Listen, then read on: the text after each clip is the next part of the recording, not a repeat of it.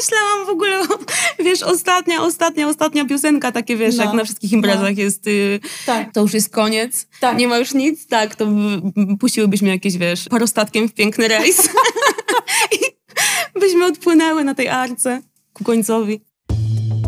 Mówić o muzyce to jak tańczyć o architekturze. Co innego mówić muzyką.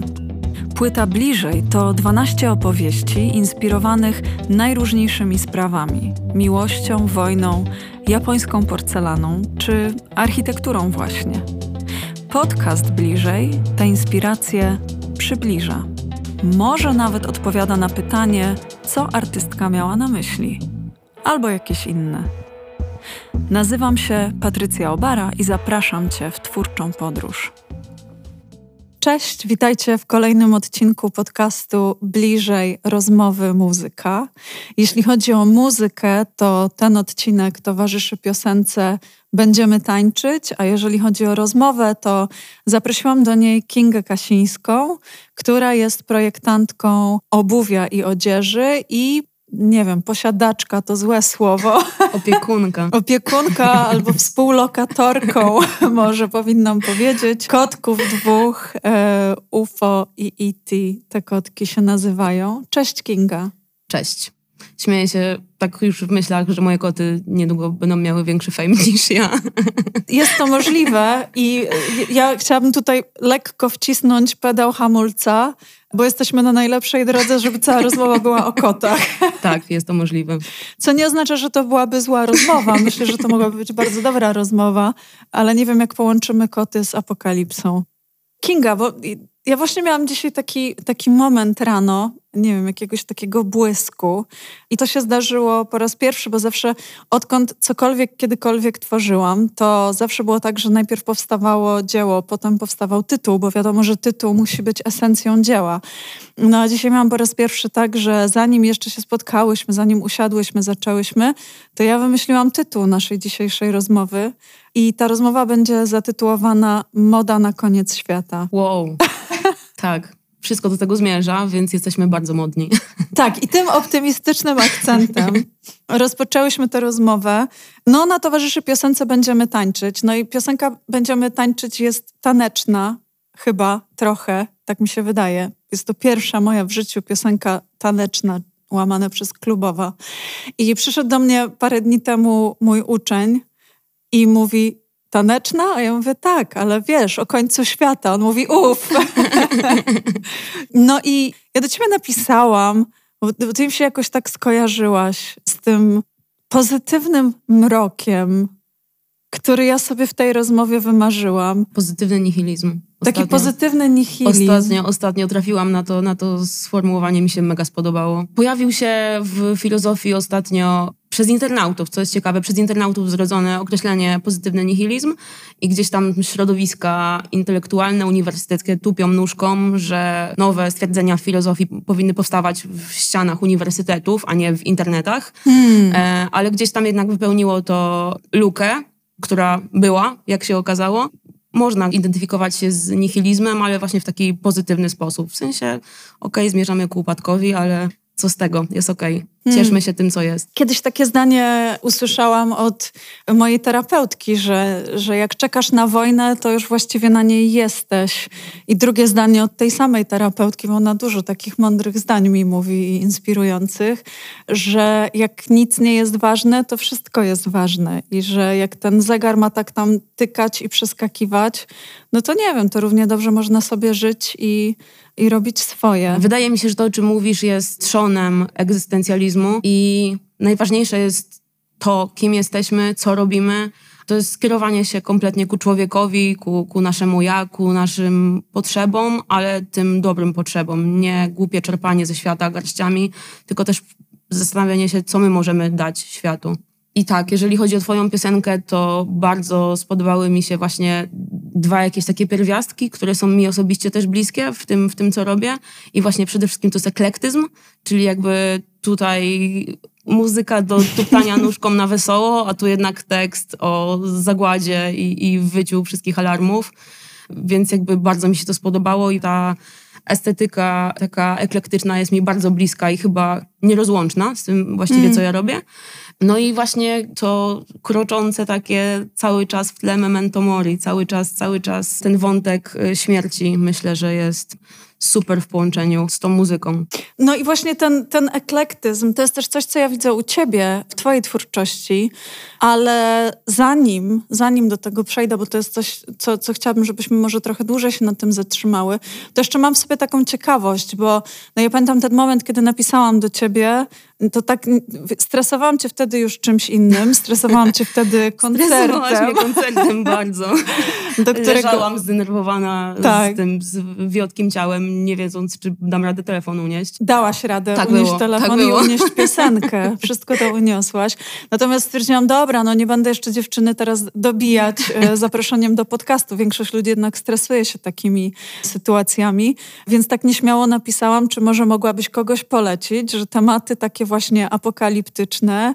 No ja miałam taką nadzieję, że ty powiesz, że może jednak miałabyś chęć. No i co, co sprawiło, że jednak to powiedziałaś? Wydaje mi się, że gdzieś temat śmierci i przemijania jest bardzo wdzięcznym i pięknym e, źródłem inspiracji. Nieważne, czy chodzi o muzykę, czy o sztukę, czy o cokolwiek innego. Wydaje mi się, że gdzieś się to zaciera wszystko ładnie i ze sobą koegzystuje.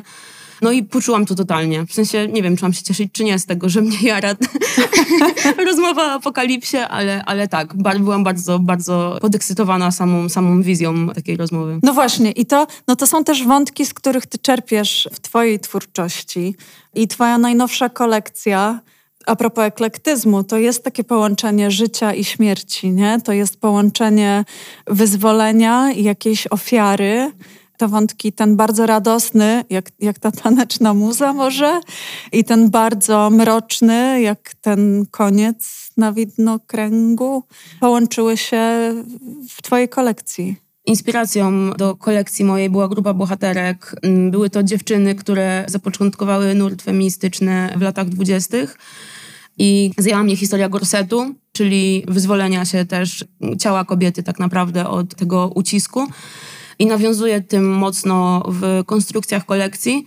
I w trakcie czytania o tym okresie, o różnych historiach, które miały wtedy miejsce, gdzieś też zajęło mnie to, że był to czas masowej rzezi na niektórych zwierzętach w celu pozyskania właśnie e, między innymi piór, które były używane do opasek czy ozdób e, na głowę w tamtym okresie, ale też skór ze zwierząt tropikalnych. I mamy tak naprawdę tutaj dwa wątki, które się łączą, że z jednej strony jakaś grupa dochodzi do wyzwolenia, a z drugiej strony jakaś grupa nadal jest uciśniona. I wydaje mi się tak naprawdę, że całe nasze życie tak wygląda. Zawsze obok czyjejś ulgi jest czyjeś cierpienie. I ta sprzeczność gdzieś mnie zajęła i, i postanowiłam się nad tym pochylić. A w, z kolei w swojej pierwszej kolekcji inspirowałam się filmem Urodzeni Mordercy, Olivera Stone'a, a na tapet brałam konstrukcję mundurów Wojska Polskiego. Także też trochę sprzecznie. Psychodela kontra, mm. kontra wojna. N niby sprzecznie, ale to takie połączenie, taki kontrast, no, no powiedziałabym wprost, z życia wyciągnięty. Trochę tak, myślę, myślę, że tak. Trzeba się nauczyć chyba dostrzegać w tym piękno, w tym kontraście. Okrutnym, mm. ale no mimo wszystko kontraście. Cała, cała natura tak funkcjonuje. I no niestety człowiek, niestety, niestety człowiek jest, człowiek jest jej częścią.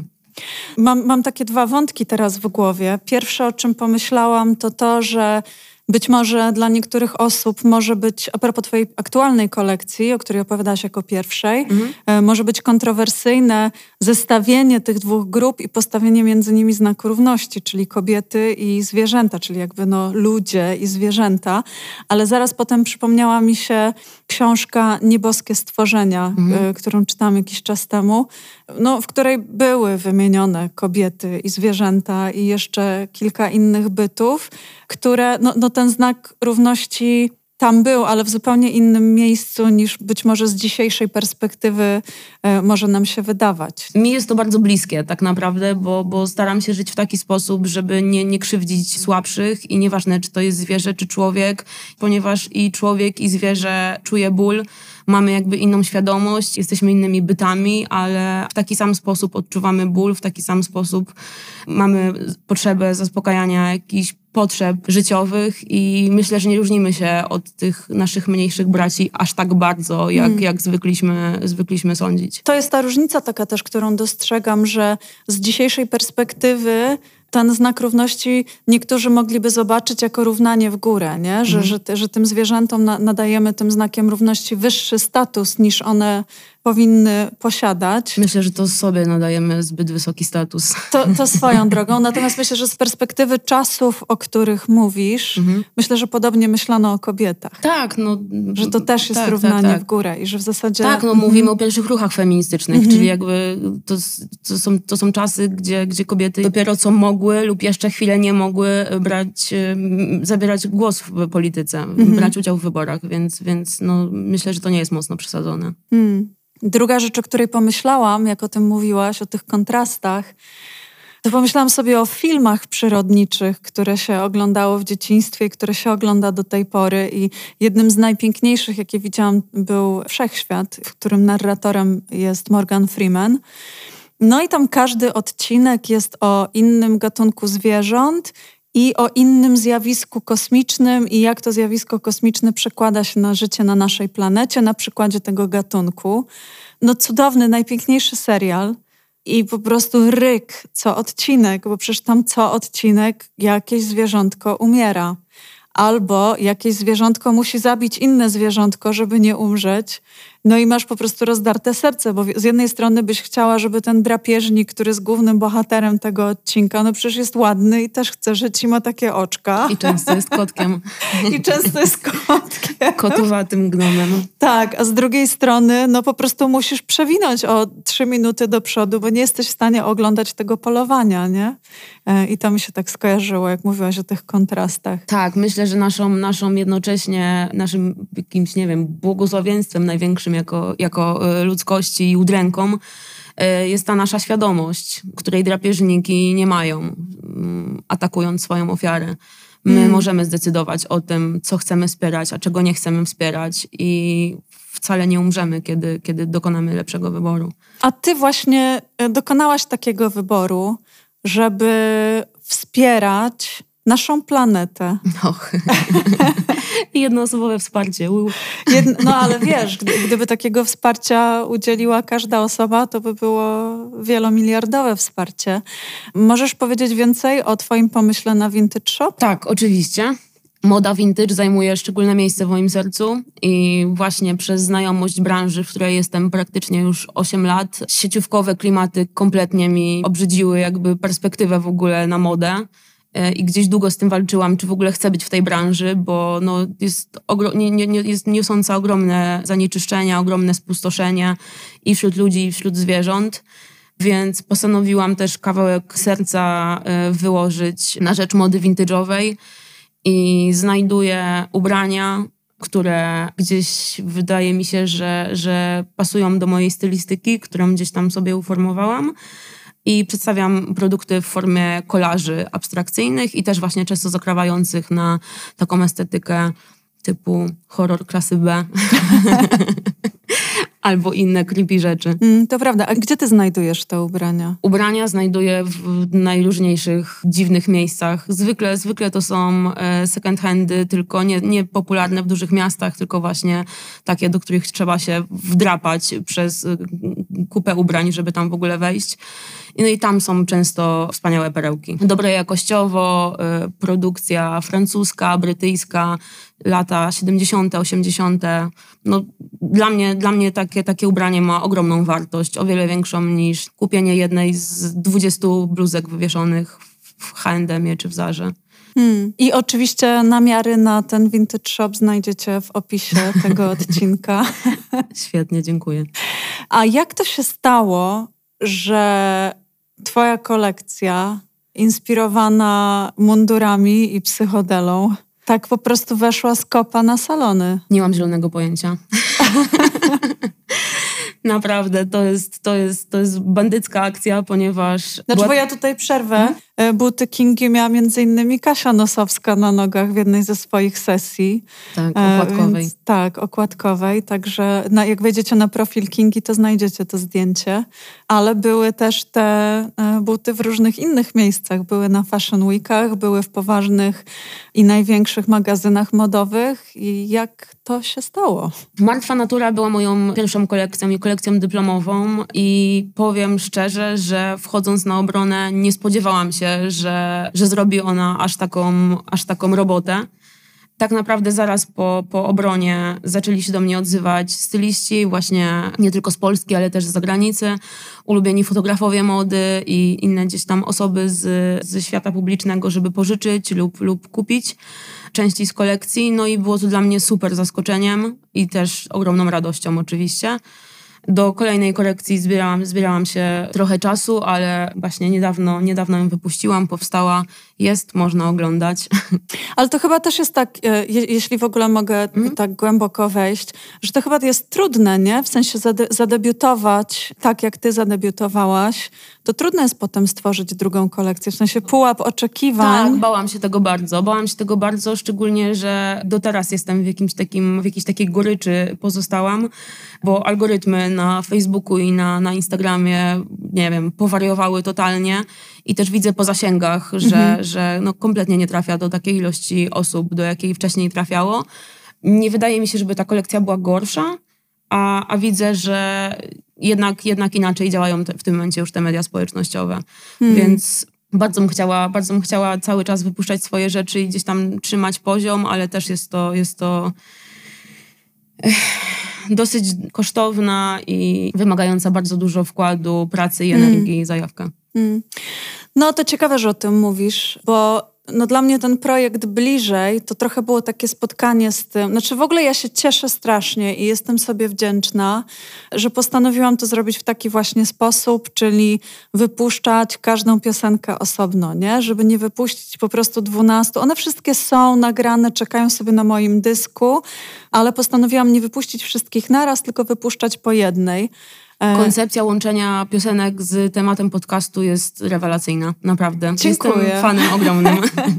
Cieszę się. Natomiast to, to, była, to była dla mnie też, jest nadal jakaś taka niesamowita lekcja, że w ogóle rzeczy działają inaczej niż ja myślałam, że one działają. I też no, przy poprzednich e, wydawnictwach to było jakoś tak, że to się jakoś wzbudzało, że jak się coś publikowało, to to tak szło sobie i potem drugie łapało tą falę, a trzecie łapało te, te dwie poprzednie fale. I ja sobie tak wyobrażałam, że każda kolejna piosenka, którą ja wypuszczę, e, to będzie coraz bardziej popularna i każdy kolejny odcinek podcastu, który nagram, to będzie miał coraz więcej słuchaczy jest odwrotnie, nie? No i a propos tych algorytmów i tak dalej, ja w ogóle już nie mam pojęcia, jak to działa. Kiedyś mi się jeszcze wydawało, że ja to rozumiem, teraz nie mam pojęcia, jak to działa. I to jest tak, że wrzucam te posty i one mają kilka tysięcy odsłon albo mają sześć. Mhm. Możemy sobie przybić piątkę. Nie? I że, I że tak strasznie dużo od tego zależy. Słuchaj, to trochę wywołałaś ten temat. Ale to mi się wiąże z tym, od, od, od, czego zaczęłyśmy, więc, więc pozwolę sobie rozwinąć ten wątek. Że wiesz, jak napisałam do jednego z dystrybutorów muzyki cyfrowej, dystrybutorów to nie jest wytwórnia, która inwestuje w rozwój, tylko po prostu ty im wysyłasz, a oni to dostarczają na Spotify i tak dalej, to oni nawet w ogóle nie chcieli posłuchać mojej muzy, oni tylko poprosili, żebym wysłała im swoje kanały społecznościowe, bo w zasadzie było istotne tylko to, ilu mam followersów.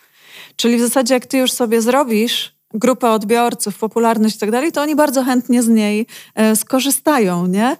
I że po pierwszej piosence miałam nadzieję, po drugiej miałam gorycz, nie, rozczarowanie, po trzeciej miałam gorycz, po czwartej miałam pytanie, po co ja to właściwie robię? I już zdążyłam sobie przed piątą na to pytanie odpowiedzieć, że to, że to właśnie robię to po to, żeby to robić, nie? Tak, że... tak, tak, to jest esencja. Wracamy właśnie do tego. Robimy to po to, żeby to robić, a tak. nie, nie, nie, dla nie dla poklasku, nie dla pogłosu bo w tą stronę to nigdy nie zadziała. Wydaje mi się, że kiedy, kiedy skupiamy się na tym, żeby coś robić dla rozgłosu, dla lajków mm. i, i klikalności, to to traci po prostu esencję.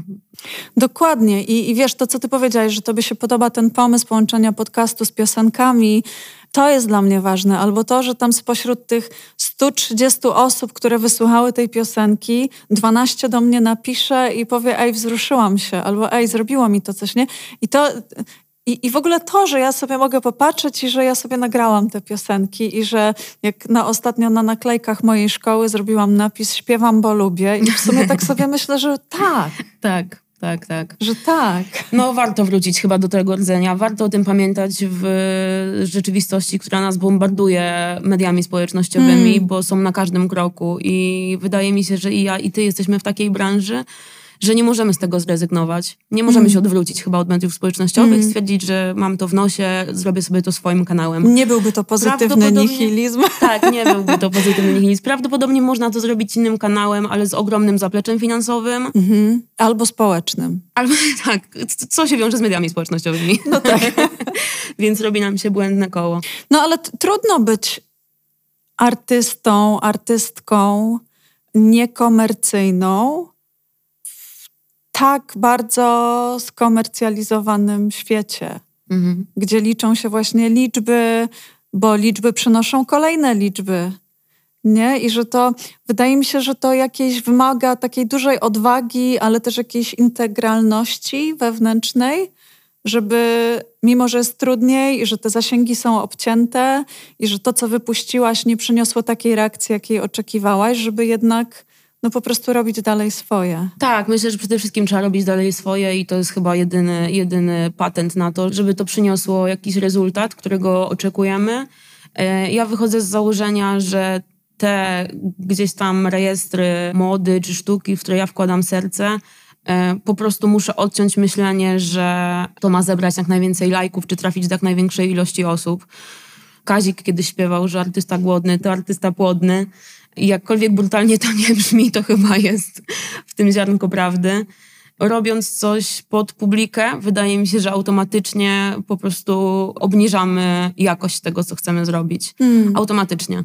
No, chodzimy na jakieś kompromisy wtedy tak, na pewno. Tak, tak, tak. No bo tak szczerze, to, to co ty robisz, nie jest łatwe i to, co ja robię, też nie jest łatwe. To znaczy, my obie, e, widzę ten taki wspólny mianownik, że lubimy po prostu wetknąć ten paluch w jakąś ranę i tak kurde pogrzebać, a na koniec jeszcze przysypać to solą, żeby nie było tak, że ktoś sobie założy ładną sukieneczkę i buciki i włączy sobie moją piosenkę, do której się pogibie, tylko nie, kurde, musi, się, musi wpaść w, w dylemat egzystencjalny i przeżyć jakiś kryzys. Nie? Tak, tak, dylematy, wartości. Tak. Ach, te nasze. I że bez kryzysu egzystencjalnego nie ma dobrej piosenki, nie? Chyba tak. Kinga, a w co ty byś się ubrała na imprezę z okazji końca świata? To pytanie jest czadowe. Myślę, że nie potrzebowałabym niczego, w nic się specjalnie zaopatrywać. Myślę, myślę, że moja szafa byłaby wystarczająca znasz trochę moją stylówkę, mm. więc pewnie by wleciały jakieś, jakieś cygańskie, cygańsko-gotyckie kiecki e, cekinowe. A no właśnie, bo my trochę kiedyś... mroku, trochę, tak. trochę disco. Rozmawiałyśmy trochę, mroku, trochę kiczu. Kiedyś o tym, że, że ty masz taką wewnętrzną lambadziarę. tak, tak, lubię I tak że nazywać. falbany, cekiny, koronki i tak dalej, ale na, na, na, co dzień no jednak...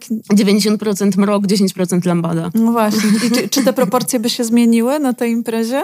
Wątpię, wątpię. Aha. Myślałam może o jakimś szalonym bucie, ale no skoro się bawić, no to, no to w wygodnych. Hmm sukienki grają u mnie cały czas taką samą rolę. Nie, chyba by się nic nie zmieniło. Czyli dzień, dzień jak co dzień, dzień impreza jak, co dzień. jak impreza. tak. No ja właśnie, jak, jak ja się zastanawiałam, w co ja bym się ubrała na taką imprezę, no to co do butów, totalna zgoda. E, nie wyobrażam sobie na imprezę z okazji końca świata iść w szpilkach. E, to znaczy, mogłabym na nią w nich pójść, ale natychmiast bym je zdjęła. Natomiast miałam taki dylemat, że albo... Mogłabyś założyć swoją spódnicę w cekiny i nie martwić się, czy będzie pasować do czegoś. Sumie tak, jak jest no koniec świata, to już... Nikt cię nie oceni, nikt nie skomentuje, po prostu wykorzystasz ją i hulaj dusza piekła nie ma. Nie będzie potem tych nagłówków, nie, nie że źle się ubrała. tak. Kontrowersyjny wybór Patrycji Obary. Tak, ale wiesz, myślałam o tych cekinach, myślałam o tych cekinach i to, to była jedna z opcji, żeby założyć coś takiego właśnie, czego na co dzień nie noszę, bo się wstydzę, bo się boję, bo nie chcę przesadzić, bo, bo, bo ktoś powie, że o, w dupie się poprzewracało. Ja się strasznie staram walczyć e, u siebie sama z tym tokiem myślenia, ale to zresztą też już miałyśmy kiedyś rozmowę na ten temat. Tak, dlatego się, mnie tak. podpuszczasz. Ty powinnaś w cekinach chodzić do pracy. Podpuszczam cię, tak, tak. Myślę, że to jest dobry kierunek, żeby po prostu mieć, mieć kompletnie w nosie e, to, czy jakieś ubranie ubranie jest ubraniem, nie jest jakby okazją e, zametkowaną na nim. No właśnie, ale miałam też plan B. Mhm. I plan B to jest, ostatnio sobie kupiłam, po latach musiałam wymienić szlafrok i kupiłam sobie szlafrok, który jest w kolorze, którego nie potrafię nazwać. Znaczy to on jest różowy, ale to nie jest taki różowy, różowy. On jest taki, taki inny, taki, no nie wiem, nie będę próbowała nawet, bo nie potrafię. Róż jest super. Tak, i on, ten szlafrok jest z takiego pluszu. I ja go uwielbiam. On ma gigantyczny kaptur i on jest w ogóle cały duży. Ja się mogę nim owinąć. I mój plan B to był taki, żebym założyła ten szlafrok. To szlafroki jakieś y, szalone kozaki, disco kozaki, albo o. spódnica w cekiny i, i wygodny but. Myślę, że myślę, że w tym kierunku możesz iść. Okej, okay. kozaki może z twojej kolekcji. No ludzie. Chętnie, Do szlafroka. Chętnie podrzucę na koniec świata. One mają to w tej nowej kolekcji, mają tam takie... Yy... Lamówki takie, tak. lamówki. tak. Jedne, jedne mają no. taką plecionkę, drugie, drugie mają lamówki.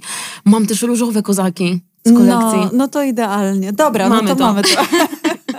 Tylko musimy ustalić datę końca świata i Wiesz co, ale ja, ja, myślę, że to zrobią za nas, że, to, że to może w ogóle od nas nie zależeć. W ogóle ile końców świata przeżyłaś już? Jesteś w stanie sobie przypomnieć je wszystkie?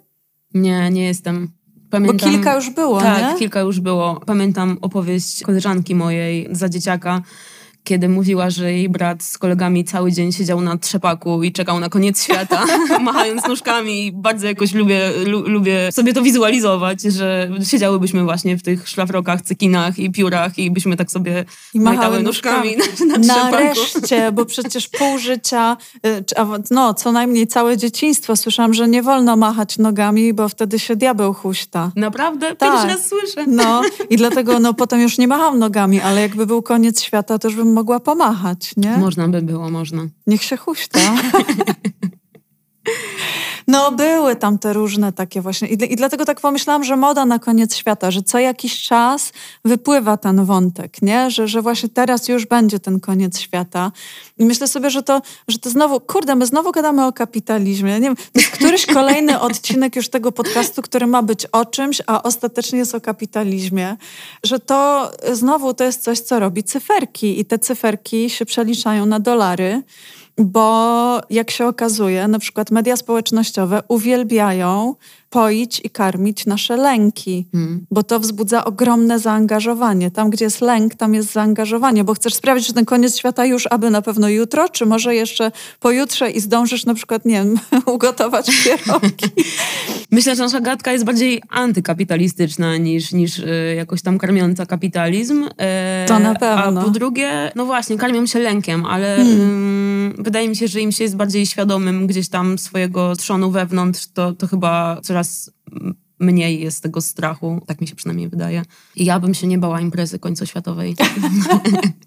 Czyli będziemy tańczyć. Mm, tak. A no właśnie, a do czego byś tańczyła? Mnie to pytanie tak podekscytowało. tak, wizja, wizja, wizja tego, do czego, do czego by można było tańczyć, e, bardzo mnie podekscytowała.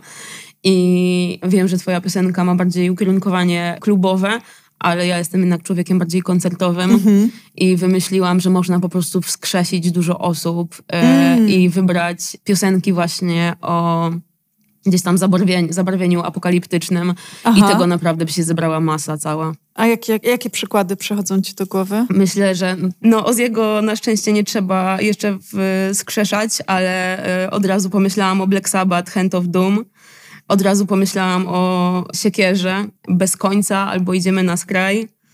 The Doors jakby wjechało na żywo z jeźdźcami na, na, okay. na końcu świata byłoby super.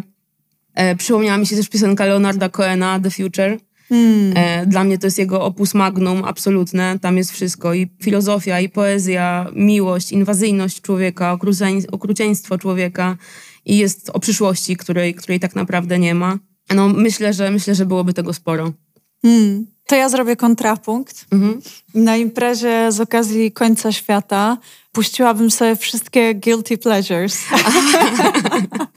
Pomyślałam w ogóle, wiesz, ostatnia, ostatnia, ostatnia piosenka, takie wiesz, no, jak na wszystkich imprezach no. jest, y, tak. to już jest koniec, tak. nie ma już nic, tak, to puściłybyśmy jakieś, wiesz, parostatkiem w piękny rejs. I byśmy odpłynęły na tej arce ku końcowi. Czemu nie?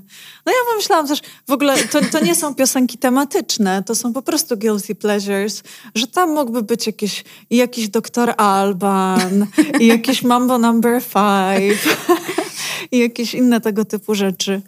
No tak, no, no po prostu e, kicz, czysta radość, taka czysta, niewinna, porąbana radość mm. i cekiny i szlafroki. To ja widzę naszą wspólną playlistę. Ja bym była odpowiedzialna za kloce, takie wiesz, ciężkie, no. dumowe i gdzieś tam mm, Joy Division, Electric Wizard, Black Sabbath, a ty byś dla przeciwwagi swoje klimaty poszła. Myślę, że byłoby, byłoby to super dopełnienie. Czyli znowu te kontrasty. Tak.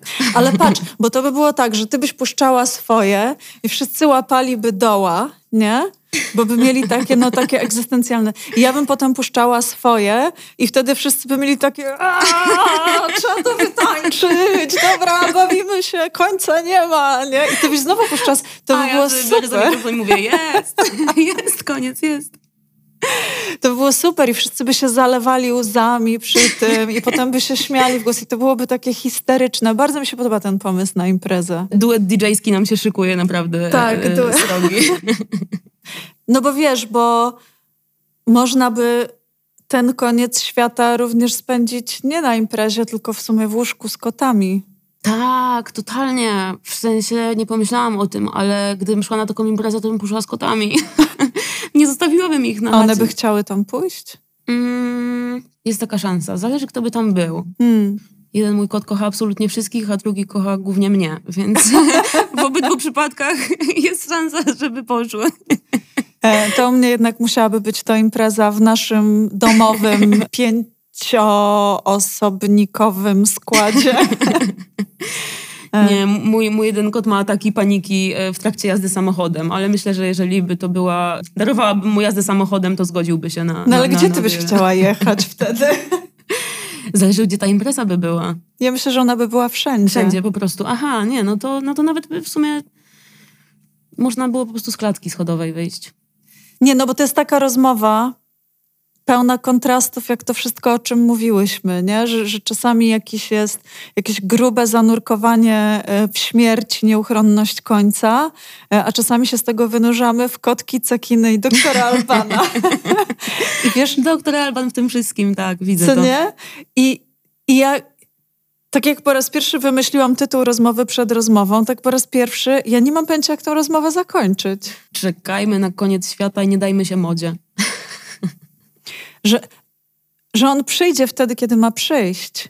I że tak. do tego czasu możemy po prostu robić swoje. Chyba tak.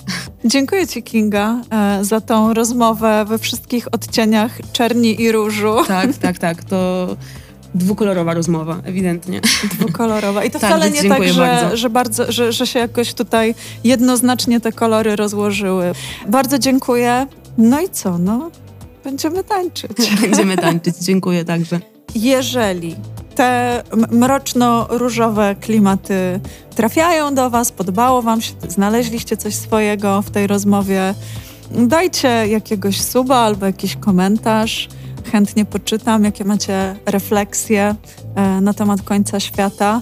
Może będziecie chcieli się z kimś tą rozmową podzielić, udostępniajcie śmiało. Przed nami jeszcze kilka odcinków, prawdopodobnie na zupełnie inne tematy. Dzięki.